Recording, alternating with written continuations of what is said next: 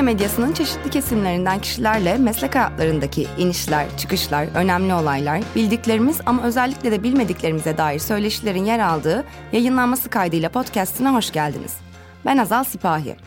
Yayınlanması kaydıylanın bu bölümündeki konuğu gazeteci ve yazar Taha Akyol. Akyol gazetecilik mesleğine 1977 yılında Her Gün gazetesinde başlıyor. 12 Eylül 1980 darbesi öncesinde Milliyetçi Hareket Partisi yönetiminde bulunuyor. Darbe sonrasında tutuklanıyor ve Mamak cezaevinde yatıyor. Askeri mahkemede yargılandıktan sonra da beraat ediyor.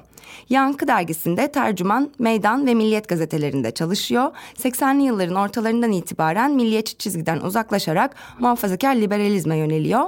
Yayın hayatına başladığı 1999 yılından 2018'deki satışına kadar Doğan Holding'in bünyesindeki CNN Türk'te yöneticilik ve program yapımcılığı ve Hürriyet gazetesinde köşe yazarlığı gibi çeşitli görevler üstleniyor. Güncel olarak da Karar gazetesinde köşe yazılarına devam etmekte. Yine Karar TV'de Elif Çakır'la beraber gündem özel program programını ve Mustafa Karalioğlu ile beraber de ortak akıl programını yapmaya devam ediyor. Şu anda Karar TV'nin de stüdyolarındayız. Karşımda Taha Akyol var. Merhabalar Taha Bey nasılsınız? Merhaba, merhaba. Teşekkür ederim. Burada ağırladığınız için bizi ayrıca Sağ biz de teşekkür ederiz. İlk olarak ben 80'li yıllara gitmek istiyorum. 80 darbesi öncesinde Milliyetçi Hareket Partisi Genel İdare Kurulu üyesi olarak parti yönetiminde yer alıyorsunuz.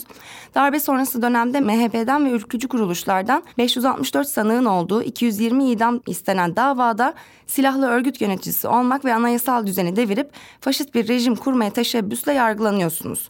Ve hürriyete yazdığınız... İdamla yargılanıyoruz. Evet, evet. Ee, yani o 220 kişiden e, birisiniz siz de. Hürriyete yazdığınız 13 Şubat 2017 tarihli e, 12 Eylül'de ben de yargılandım. Başlıklı yazınızda hukuka güveniyorum ya gidip teslim olmuştum birkaç günde bırakılırım diyordum. Tam 14 ay tutuklu kaldım diye anlatıyorsunuz. O zamanki gazeteciliğinizle alakalı bir süreç olmasa da günümüzde 34 gazeteci ve medya çalışanı cezaevinde şu anda. Bugün böyle bir durumla karşı karşıya gelseniz, köşenizde yazdığınız bir yazınızdan dolayı mesela hakkınızda tutuklanma kararı çıkarılsa, hala hukuka güvenip gidip kendiniz teslim olur muydunuz? Günümüzde bu güven ilişkisi ne halde sizde? Hala varlığından söz edebilir misiniz? Teslim olup olmamak e, ayrı bir konu fakat e, hukuka güven 12 Eylül darbe e, döneminde bile e, bugünkünden fazlaydı. E, nitekim cezaevinde bizim hakkımızdaki e, idam talepleri açıklandığında iddianameyi e, incelerken toplu olarak inceliyoruz. Rahmetli Türkeş'te var. Ee, ben bize isnat edilen suçun hukuktaki tanımı e, için avukat olduğumdan dolayı askeri yargıtay iştihatlarını inceledim ve o zaman hiç unutmam arkadaşlarım da hatırlayacaklardır. Şunu söyledim. Çünkü bizim hakimlerimizin solcu olduğu söyleniyordu. Hı hı. Ben ona şunu söylemiştim. Stalin gelip bizi yargılayacak hakimler olsa biz bu davadan berat ederiz. Çünkü e, askeri yargıtayın e, iştihatları son derece sağlam ve hukuka uygun. Bir başka örnek vereyim. Necmettin Erbakan e, bizlerle beraber farklı bir suçtan tutukluydu. Askeri mahkeme e, bunları e, tahliye ettiğinde o vakit bizim avukatlar anlattılar. Herkesin de o dönemde bildiği bir gerçek. Ankara Sıkı Yönetim Komutanları bu hakimleri çağırıyor. İşte darbe oldu, ülke kritik durumda Erbakan'ı niye bıraktınız yeniden tutuklayın. Hı hı. Hakimlerin verdiği cevap biz askeriz ama öncelikle yargıç insanlarız. Emirli iş yapmayız. Peki bugün o olsa... vakit köşemde de defalarca yazdım. E, hukuka güven bugünkünden fazlaydı. Ben şunu da belirteyim. Bizi yargılayan, idamla yargılayan hakimler hukuka son derece saygılı. Adli hatalar olabilir, usul hatalar olabilir. E, ama e, adil e, davranan güvenilir yargıçlardı. o zaman bugün için aynı şeyi söyleyemiyorum. Söyleyemeyeceğinizi söyleyebilirim. Peki bir hukukçu ve gazeteci olarak son 10 yıl ama özellikle de 15 Temmuz darbe girişiminden sonraki sürece baktığımızda gazetecilerin, akademisyenlerin ve iş insanlarının yargılanma süreçlerine dair görüşleriniz neler? Yani işte tutuksuz yargılanmalılar mı diyorsunuz? İddianame hazırlıkları çok uzun sürüyor. Bununla alakalı... Bunların hepsini söylüyorum. Tutuksuz ıı, yargılanmalılar, iddianame hazırlıkları ıı, çok ıı, uzun sürüyor. Bazen açıkça siyasi olduğu adam 5 yıl önce, 6 yıl, 8 yıl, 10 yıl önce bir şeyler yazmış yahut tweet atmış. Şimdi siyasetin, siyasi iradenin, iktidarın gözüne battığı için 5 yıl 10 yıl önceki tweetlerinden, yazılarından, kitaplarından dolayı soruşturma açılıyor. Bunun e, siyasi olduğu belli. Çünkü basın kanununa göre yayından itibaren belli bir süre geçtikten sonra soruşturma açılamaz. Hı hı. Bu basın hürriyetini korumak için getirilmiş bir hüküm ama bugün geçerli değil maalesef. Sizce bu süreçler nasıl işletilmedi yani A'dan sona doğru, baştan sona doğru? Hukukun e, temel prensibi suçluyu yakalayıp delil aramak değildir. Hı hı suçlu olduğunuzu zannettiğiniz, olmasını istediğiniz kişiyi yakalayıp e, ona delil uydurmak değildir. Elinizdeki delillerden hareketle e, kişiye gitmektir. E, o yüzden işte makul şüphe, suç şüphesi, kuvvetli suç şüphesi gibi ceza hukukunda iştihatlarla ayrıntıları belirlenmiş olan kavramlar var. Ona uygun davranılması lazım. Bir de bunu bugünkü politikacılar bile, iktidar bile söylüyor. Tutuklama en son tedbirdir.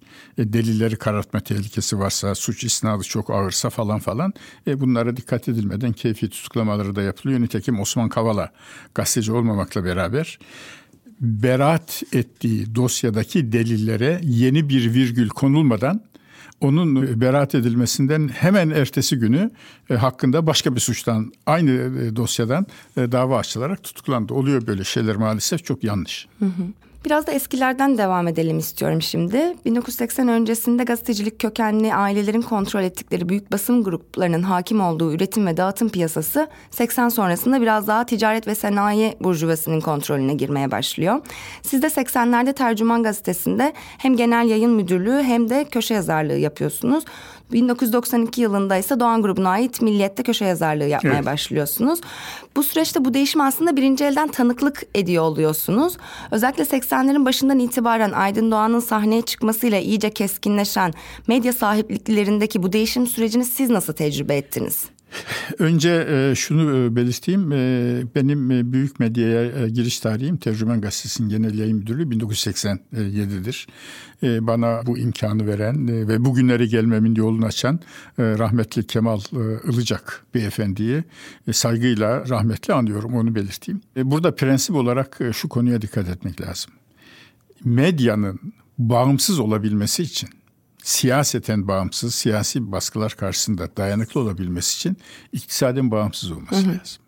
Ya kendi geliriyle, reklam ve e, satış geliriyle ayakta durabilecek, mali baskıları siyasi olarak uygulanabilecek vergi cezalarını göğüsleyebilecek durumda olmalı veya başka işlerde, başka işler vasıtasıyla da o medyanın bağımsız olması gerekir.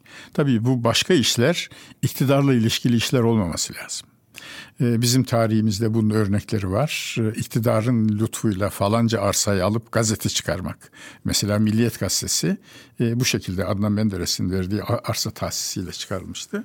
İhale almak falan gibi şeyler olmamak kaydıyla e, medyanın e, bağımsız olması sermaye itibariyle güçlü olmasına bağlıdır.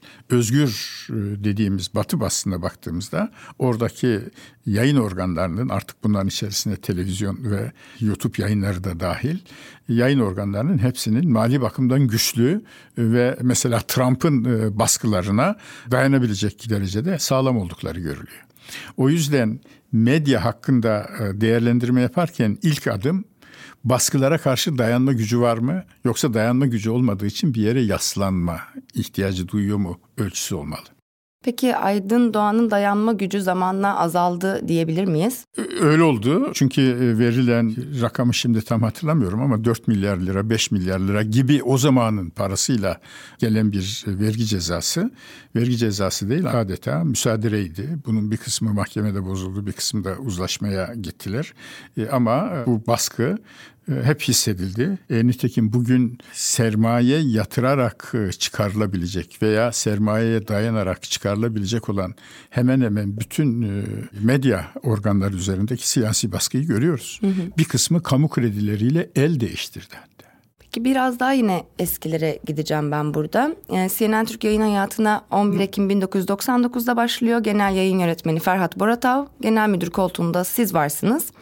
2001 yılına geldiğimizde ise CNN Türk'teki genel müdürlük görevinizden ayrılıyorsunuz. CNN Türk Yayın Kurulu'nda üyeliğe, siyasi danışmanlığa, haftalık eğrisi doğrusu programlarına ve milliyetteki köşe yazılarınıza devam ediyorsunuz ama genel müdürlük görevinden ayrılıyorsunuz. Neden? Genel müdürlük görevinden e, ayrılmamın e, siyasi veya ideolojik bir sebebi yok. E, CNN Türk o günkü Türkiye'nin reklam pastası itibariyle olması gereken e, karlılığa geçemiyordu. E, daha ticari bakacak bir gözle yayın yönetimi e, yaparsak olur mu?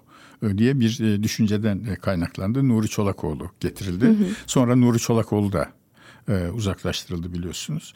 E, bu tamamen kanalın ekonomik yönetimiyle ilgili bir olay. Nitekim ben e, sizin de belirttiğiniz gibi CNN Türk'ten tırnak içinde atılıncaya kadar e, eğrisi doğrusu programına e, devam ettim. Yayınlarla ilgili eleştirilerim olduğunda gerek şahsiyetim itibariyle gerek kurucu genel müdür olmam itibariyle yönlendirici etkilerim de olurdu. Şu, şu yanlış objektif değil şöyle yapalım şu program iyi şu program tutmadı gibi görüşlerime çok itibar edilirdi. CNN Türk'ün kurucusu olmaktan onur duyduğum gibi orada yaptığım yayınlar itibariyle de e, gurur duyuyorum. Dürüst, kaliteli yayınlardı. Peki mesela bu ekonomik kaygıları ön plana almakta zorlanıyor muydunuz genel müdürlük zamanınızda?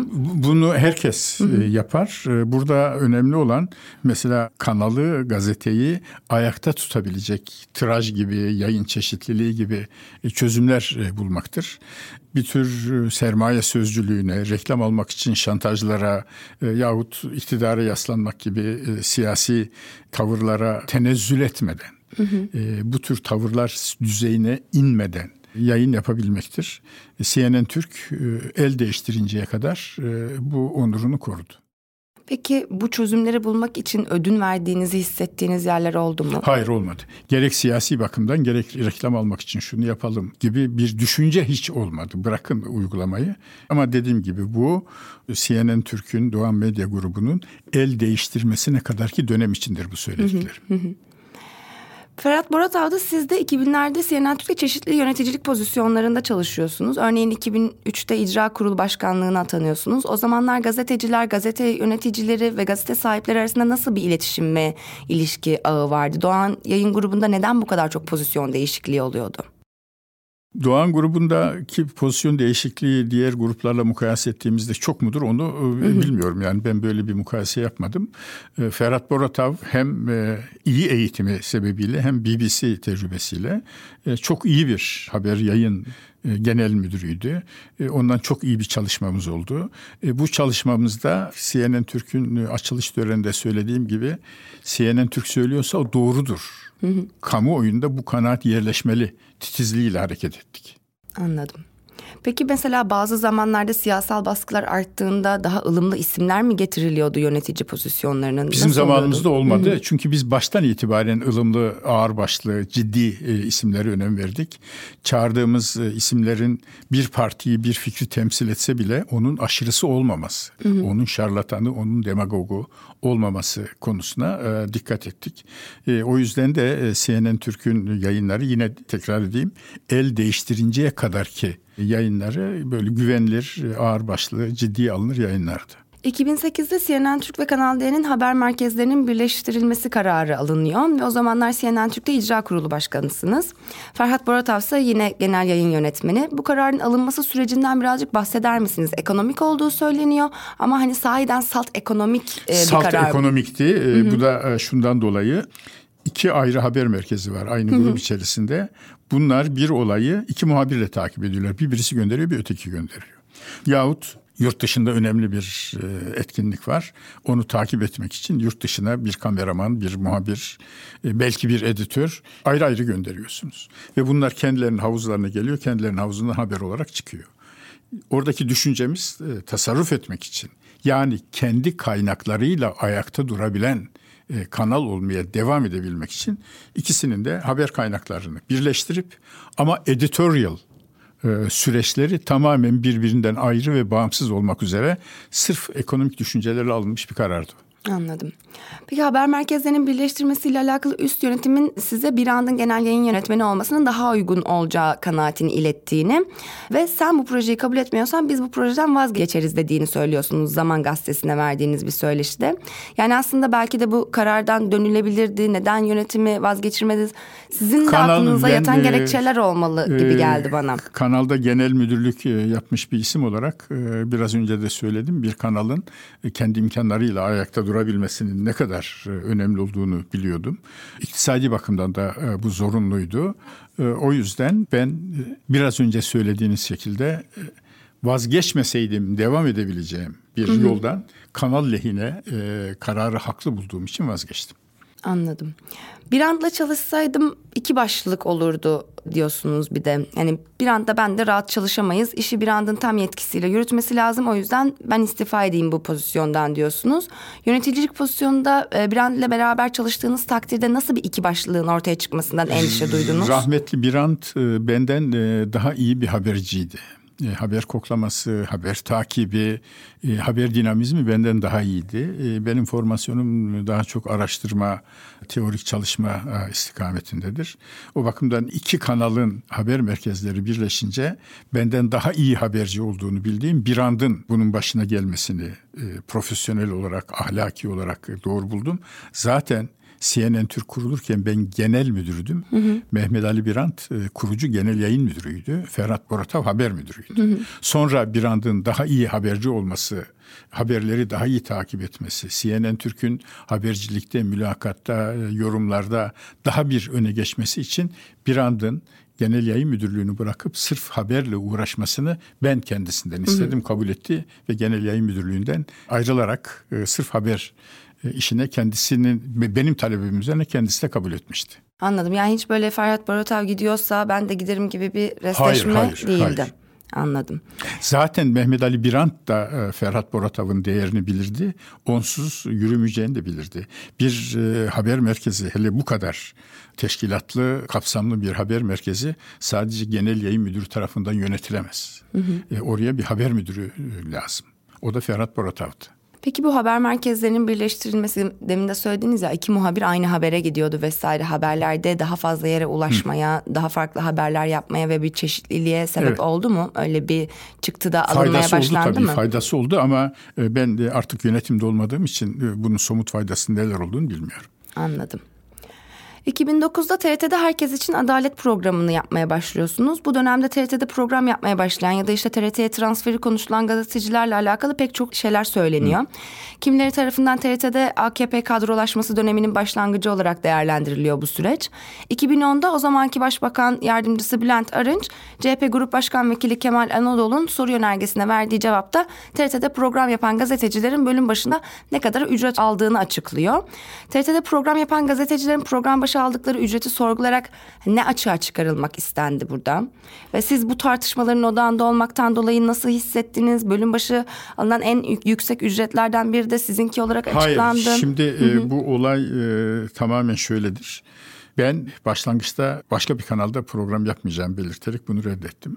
Fakat o zamanki TRT Genel Müdürü İbrahim Şahin TRT'yi aynı zamanda hukukun ve adaletin sözcüsü haline getirmek istediklerini, bunun için benim e, program yapmamda ısrarlı olduklarını söyledi. Ben de bu etik olmaz. Benim bunu Aydın Bey'le görüşmem lazım dedim. Aydın Bey'le görüştüm. Dedim ki bu benim bir talebim değil. Fakat TRT'nin böyle hukuku, e, adaleti e, ön plana çıkarmak için benden istediği bir program. O programın bana teklif edilmesinin sebebi benim hukukçu olmam ve yazılarımda hukuka öncelik vererek hı hı. E, tahliller yapmam, e, fikirler geliştirmemdi. Bunu bu sebeple kabul ettim. E, mesela konuklarımdan birisi İbrahim Kaboğlu'ydu. Hı hı. İbrahim Kaboğlu kim? E, saygın bir anayasa hukukçusu ve bugün Cumhuriyet Halk Partisi milletvekili. Ve o dönemde de iktidarla arası açılmaya başlamıştı. Hı hı. İnsan hakları konusundaki ihtilaflarından dolayı. Bu olay benim hukuku üstün tutmada ve e, objektiflikte ne kadar titiz olduğumun göstergelerinden biridir. Peki bu teklifin size geldiğini Aydın Doğan'a söylediğinizde onun cevabı ne olmuştu? Aydın Bey dedi ki madem hukuk demokrasi e, elbette yap dedi. Ben de dedi herhangi bir kanalda hukuka demokrasiye önem verilmesinde memnun olurum. Ayrıca dedi bu senin işin dedi yani hukuk yönüyle söyledi. Peki bu didiklenmeye başladığında bu durum nasıl hissettiniz? Önemsemedim. tamam. Ee, sonrasında programın sonlandırılması süreci nasıl oldu herkes için adalet programının? Ben e, CNN Türk'ün dinamizmine e, alışmıştım. TRT bir devlet dairesi gibi e, çalışıyordu. Bir takım uyumsuzluklar oldu. Bunlar siyasi değildi. Mesela istediğim veterilerin iyi hazırlanmaması. Hı hı. Dolayısıyla programın düşmesi gibi konulardı. Ben izin istedim, programı bırakıyorum dedim, bıraktım. Anladım. 2011'de Milliyet Demirören Grup tarafından satın alınınca Demirören ailesi sizin köşenize devam etmenizi istese de kitap yazacağım deyip ayrılıyorsunuz Milliyet'ten. Çok geçmeden o zamanlar Doğan Grup'a ait olan Hürriyet'te yazmaya başlıyorsunuz. Haliyle bu da Milliyet'ten kitap yazma gerekçesiyle ayrılışınızın sorgulanmasına neden oluyor. Neden Demirören'e satılınca yaklaşık 20 yıldır köşe yazarlığı yaptığınız Milliyet'ten ayrıldınız? Şimdi olay bu şekilde değil. Olayın aslı şöyle. Milliyet gazetesi el değiştirdikten sonra Milliyet gazetesinin havası da değişti. Hı hı. Sayın e, Aydın Doğan zamandaki böyle editorial bağımsızlık, yazarların bağımsızlığı yerine başka bir hava, bunu somutlaştıramam ama başka bir e, hava e, esmeye başladı. Nitekim çok değerli bir gazeteci olan meslektaşımız Derya Sazak'ın açıklamalarında o havanın ne olduğunu somut olarak görmek lazımdı. E, bunun üzerine ben rahmetli Erdoğan Demirören'den randevu talebinde bulunarak giderek görüştüm. Erdoğan Demirören rahmetliyi ben Tercüman Gazetesi'nin genel yayın müdürlüğüm döneminde e, Kemal Ilıcak'ın arkadaşı e, olarak tanırdım. Bir yakınlığımız yoktu ama o beni tanırdı, ben onu tanırdım. Ve gittim e, kendisine dedim ki ben ayrılacağım. Çünkü ben aynı zamanda CNN Türk'te program yapıyorum. Doğan grubundan CNN Türk'te yaptığım programlar için maaş alıyorum. Burada da sizden maaş alıyorum. Bu bir. İkincisi de bu çelişki sebebiyle ben buradan ayrılacağım. Hürriyet gazetesine geçmek istiyorum. Hı hı. E, Hürriyet gazetesine benim e, geçmem Doğan grubunun e, Milliyet gazetesini satmasından Demirörenlerin eline geçmesinden önce konuşuluyordu. Hı hı. Hürriyet gazetesinin milliyetçi muhafazakar fakat geniş bir yelpazeye hitap eden bir yazarı da olsun görüşü konuşuluyordu ve bunu bana hem Aydın Bey, Aydın Doğan Bey hem Vuslat Hanım söylemişti keşke seni hürriyet alsak ama o vakitte milliyet nasıl olur falan hele bakalım gibi bir konuşma vardı. Ben bunu ayrıldığım takdirde orada yazacağımı e, bu sebeple düşünerek e, Erdoğan Demirören Bey'den e, aldığım randevuda bunu kendisine anlattım. Dedim ki isterseniz ben bunu açıklayayım. E, ve hemen Hürriyet gazetesinde başlayabilirim. Ama siz bunun hürriyete, şey, milliyete zarar vereceğini düşünüyorsanız sonbahara erteleyelim. Yanılmıyorsam bu Mayıs ayında hı hı. E, yaptığımız bir konuşmaydı. E peki dedi o arayı nasıl açıklarsınız? Ben dedim zaten kitap yazıyorum. Kitap yazmak için. Yani milliyet artık Taha Akyol'un yazamayacağı bir gazete haline geldi izlenimini vermemek için hı hı. Bu kitap meselesi ben zaten kitap yazıyorum. Bu arada da gerçekten kitap yazacağım dedim. E, o da o vakit dedi bu gerekçeyle açıkla dedi. Tamam dedi hayır olsun dedi. Bu şekilde ayrıldık. Anladım. Ben e, Hürriyet gazetesinden ayrıldığımda bir akşam yemeği düzenledi Vahap Munyar. O zaman genel yayın müdürüydü. Ben orada Vahap Munyar dedi ki aile dedi ben dedi çok üzgünüm dedi çok özür dilerim dedi sen şöyle yazarsın böyle yazarsın ayrılmaman lazımdı ama daha fazla dayanamadım. Çok hı hı. baskı geldi senin e, işten çıkarılman için. Onun üzerine de ben anlattım. Benim bu ayrılma olayım hı hı. bu şekilde oldu. Hı hı. Ben e, gidip de e, böyle kitap yazacağım diye ayrılıp öbür tarafa geçmiş değilim. Anladım. Bu milliyet zarar görmesin diye Erdoğan Demirören'in rahmetli Erdoğan Demirören'in bir önerisiydi hı hı. şeklinde orada da bunu anlattım. Orada bulunan herkes de dinledi bunu.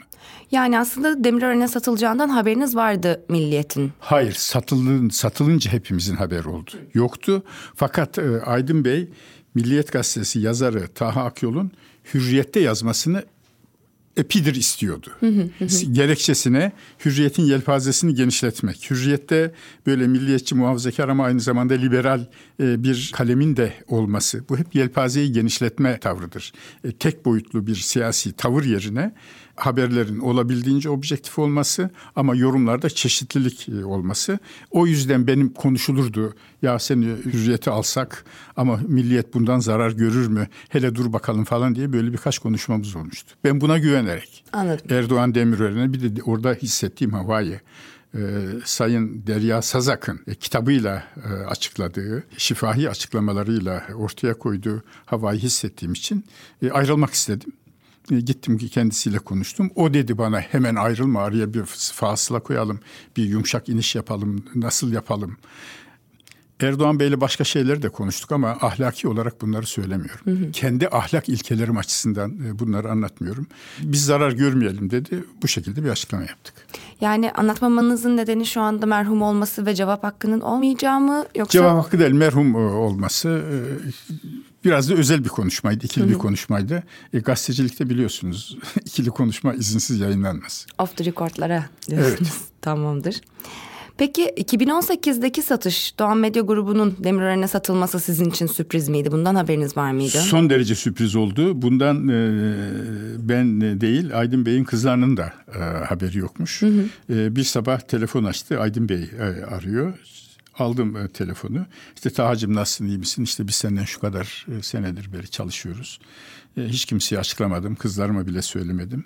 Ama bugün benden duymuş ol. Diğer e, beraber çalıştığım arkadaşlara da e, söylüyorum. Mesela Sedat Ergin'e de söylemiş. Ertuğrul Özkök'e de söylemiş. Milliyetteki arkadaşlara da e, daha önce söylediği gibi sattım diye e, haber vermiş. E, ben e, o şekilde öğrendim. Peki e, nasıl bir gündü o gün? Yani başkalarının haberi oldu mu yoksa sizin bir süre sadece sizin haberiniz vardı? Bir süre değil öğleden sonra Hı-hı. resmen açıklandı. Okay, Sabahleyin anladım. biz e, Aydın Bey'den bu telefonları aldık. Hürriyet'in hem yönetim kademesi hem yaz işleri tahmin ediyorum hem de yazarlarına e, telefon açarak e, bunu benden duyun. Hı hı. E, anlaştık. E, Demirören grubu bundan sonra gazetenin sahibi olacak. Şartlarından falan bahsetmedi. Hı hı. Miktar, fiyat falan onları e, bilmiyorum. Resmi olarak bilmiyorum. E, öğleden sonra da resmi açıklama yapıldı. Yani öğleden sonra bir şok geçirmeyin diye sabahtan bir e, Hem öyle hem olmuş. de Aydın Bey beraber çalıştığı insanlara saygısını gösteriyor. Ee, onlara tırnak içinde ırgat muamelesi yapmıyor. Hı hı. Sattım gitti muamelesi yapmıyor. Biz beraber çalıştık. Ben şimdi sattım bilginiz olsun diye. Bu bir nezakettir. Peki sizce bu satışın nedeni neydi? Valla kendi aralarında neler konuşuldu, nasıl oldu falan bilmiyorum. Ee, ama e, bir defa az önce bir e, vergi cezasında hı hı. E, bahsettim.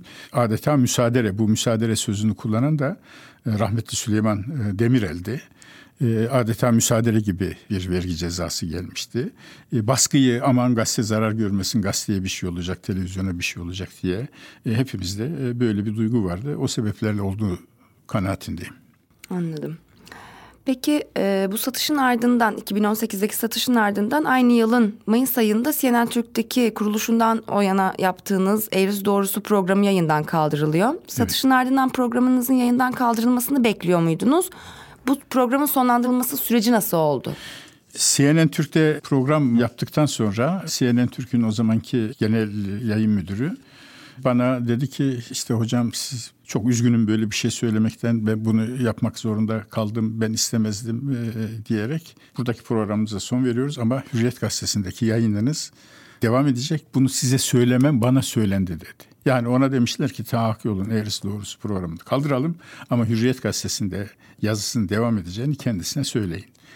Böyle bir açıklama geldi. Ben de peki dedim. Çok da sürpriz olmadı. Yani bu el değiştirmenin e, giderek gerek yaz işleri kadrosunda gerek yazar kadrosunda bir takım değişikliklere yol açacağını ki çok büyük değişikliklere yol açtı. Hı hı hı. Bekliyorduk yani böyle bir satış olduysa bu satışın bir sonucu da olacak diye bekliyorduk. Sürpriz olmadı. Hürriyet gazetesinde yazmaya devam ettim ama e, işte bir sabah Vahap Munyar beni çağırdı dedi ki aile seni istemiyor. Hı hı. Peki o zaman yani ilk eğrisi doğrusu sonlandırılırken de sonlandırdığı haber verilsin denen kişiye de hani üst yönetim yine aile miydi? Eğrisi doğrusunu da sonlandırmak isteyen aile miydi? Bana öyle bir şey demedi. Ama ya, ben, ben tahmin de. ettim tabii. Kim olabilir ki? Hı hı. Ee, peki Dört aylık bir süreç var iki ayrılığın arasında. İlki olduktan sonra hani size şey de deniyor hürriyette devam et yazılarına. İkincisinin geldiğini de hissediyor muydunuz? O dört ay nasıl Yok, geçti? Yok öyle bir hissim yoktu. İkinci defa tebliğ edilmesi hem beklediğim hem de sürpriz etkisi yapan bir şeydi. E, Hürriyet gazetesindeki hemen hemen e, bütün yazar e, arkadaşlar, yaz işlerindeki e, haberci arkadaşlar ya bizi ne zaman çıkaracaklar gibi bir duygu içindeydiler. Ama ben o gün çıkarılacağını bilmediğim için bir şaşkınlık durumu da oldu. İşte aile istemiyor denilerek Vahap Munyar genel yayın müdürü e, o söyledi bana. Peki aile istemiyor bu gerekçe sizi tatmin etti mi? Ailenin Etmedi gayet sizinle... tabii ben Hı. bunu tamamen siyasi olarak görüyorum. Anladım. E, gazetenin e, zaten e, Hazal Hanım gazetenin siyasi çizgisinin değişmesi yani e, objektif bir merkez gazetesi e, olma çabasından yorumlarında çeşitlilik yazarlarında e, çeşitlilik ihtiva eden bir e, gazete olmasından ve bugün iktidar yanlısı e, bir gazete haline gelmesi bu değişikliği gösteriyor zaten. Bunu benim yorumlamama, anlatmama gerek bile yok. Şöyle diyelim Ben aşağı yukarı 2011 yılına kadar Adalet ve Kalkınma Partisi'ni kuvvetle destekledim. Hı hı. E, o zaman bana e, Hürriyet e, okurlarının bir kısmından işte mürteci, gerici, satılmış e, falan gibi tepkileri de gelirdi. Ben neyin destekledim? Avrupa Birliği sürecinde yürüyen bir partiydi. Reformlar yapan bir partiydi. Anayasa Mahkemesi'ne bireysel başvuru hakkını e, getiren bir partiydi. Türk Ceza Kanunu 2004 e, yılında Avrupa standartlarına göre hazırlayan ve Verhoeven tarafından da Türkiye'nin ceza mevzuatı Avrupa standartlarına uygun hale gelmiştir. Açıklamasının yapılmasını sağlayan bir partiydi. Ben bugün de aynı politikaları destekliyorum. Hı hı. Türkiye'nin Avrupa Birliği'ne üye olup olmaması önemli değil. Avrupa Birliği'ne üye adayı bir ülke olarak hukukunu, ekonomisini, dış politikasını ayarlaması, ona göre politika normları oluşturması önemli. Bugün de ben bu fikirleri savunuyorum. Ama 2011'den itibaren iktidarda bir farklılaşma, Avrupa Birliği'nden bir uzaklaşma, daha bir e, ideolojik e, tavır, medya üzerinde artan baskı 2011 yılında da benim eleştirilerim başladığını görüyorum. Hı hı. E, dolayısıyla ben e, çizgimi devam ettiriyorum değişen iktidarın tavrı oldu. Anladım. Peki kıdem tazminatı aldınız mı? Aldım. İşinize son verilmeseydi peki Demirören'in hürriyetinde yazmaya devam etmek siz ister miydiniz? Demirören e, grubu Hürriyet gazetesini aldıktan sonra ya bu gazetenin yayın çizgisi değişecek ben de şimdiden ona uyum sağlayayım diye bir tavrımın olmadığı belli. E, dolayısıyla ben yine fikirlerimi e, yazmaya devam ederdim. Bugün ne yazıyorsam onları yazardım.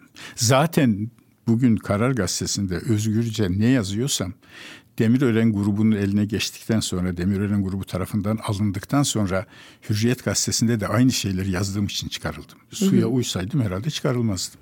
Tam da o sizin demin bahsettiğiniz o çeşitliliği de sağlamak için hürriyette aslında e, köşe yazarlığa başlamanız da son verilmesi de birazcık iktidarla iyi geçinme gayreti olarak yorumlanıyor.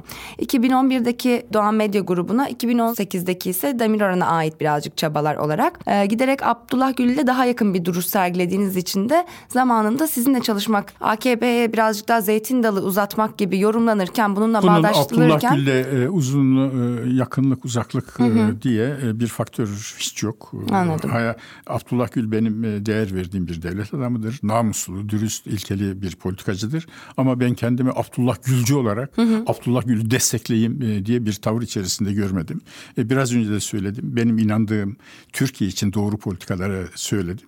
Onlara yakın olanlarla hı hı. E, mülakat yaptım, e, görüşmeler yaptım. E, yazılarım o istikamette oldu. Onlara uzak olanları da eleştirdim. Nitekim Sayın Tayyip Erdoğan'ı da Avrupa Birliği sürecindeki politikalarında destekledim. Avrupa Birliği sürecinden ayrılan, Orta Doğu'ya yönelen, piyasa ekonomisinin kurallarına uymayan politikalar ortaya çıktıkça da eleştirdim.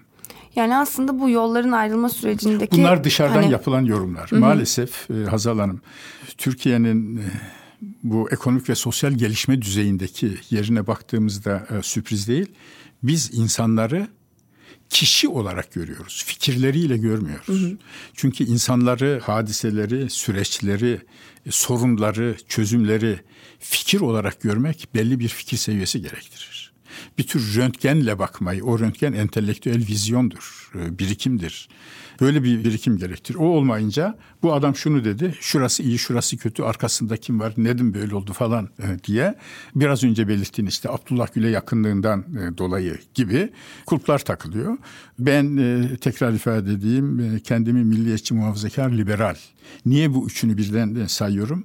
Çünkü milliyetçiliği bir vatansever olarak milli tarihimizin kültür mirasına sahip çıkmak olarak e, muhafazakarlığı e, bu değerleri özellikle ahlaki değerleri e, korumak, geliştirmek olarak liberal değerleri de özgürlük olarak, kuvvetler ayrılığı olarak, denetim ve denge olarak görüyorum. İnsanlık tarihine kuvvetler ayrılığı, denetim ve denge, bireysel özgürlük kavramlarını kazandıran fikir hareketi liberal felsefedir. Hı hı. Sosyal demokrasi sonradan bunu kabul etti. Ondan sonraki gelişmeler zaten bu fikir, bu yeşiller, e, çeşitli e, post modern hareketler e, bu temel üzerinde yükseldi. O yüzden benim için bunu köşemde de sık sık yazdım.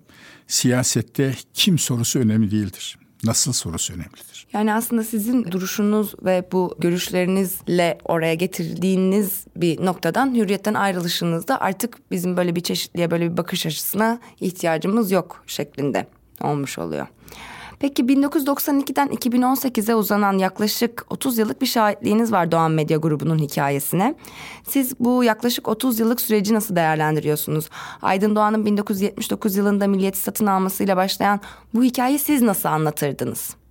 Şimdi e, tabii benden önceki gelişmeleri tam bilmiyorum. Ben e, Tercüman Gazetesi'nin genel yayın müdürüyken Sayın Aydın Doğan'la e, tanıştım. E, Tercüman Gazetesi ağır mali kriz içerisindeydi. Bir fırtına, kar, kış olup da uçaklar kalkmadığında Tercüman Gazetesi Ankara'da, Antalya'da baskı yapamazdı. Niye yapamazdı? Elimizde faks yoktu. Ben o vakit e, Aydın Bey'den rica ettiğimde tabii ki milliyete öncelik vererek benim bu ricalarımı nezaketle karşıladı, kabul etti. Aramızda böyle bir yakınlık oldu. Aydın Doğan grubunda çalışmaya başladıktan itibaren önce meydan sonra e, Milliyet Gazetesi daima özgür fikirlerimle yazdım. O yüzden benim desteklediğim e, partiler, e, eleştirdiğim liderler farklılaşmıştır. Ama çizgim hiç farklılaşmamıştır. O çizgi kültürel sahada milliyetçi muhafazakar değerlere sahip olmak ama siyasette özgürlüğü savunmak. Devlet yönetiminde siyasetin değil, hukukun üstünlüğünü savunmak. Her devirde ben bu fikirleri savundum. Hatta 28 Şubat döneminde Milliyet gazetesinde yazdığım yazılara askerler çok kızmışlardı ve Aydın Doğan'ı genel kurmaya e, çağırarak bu basında yansıdığı için e, orijinal bir şey değil.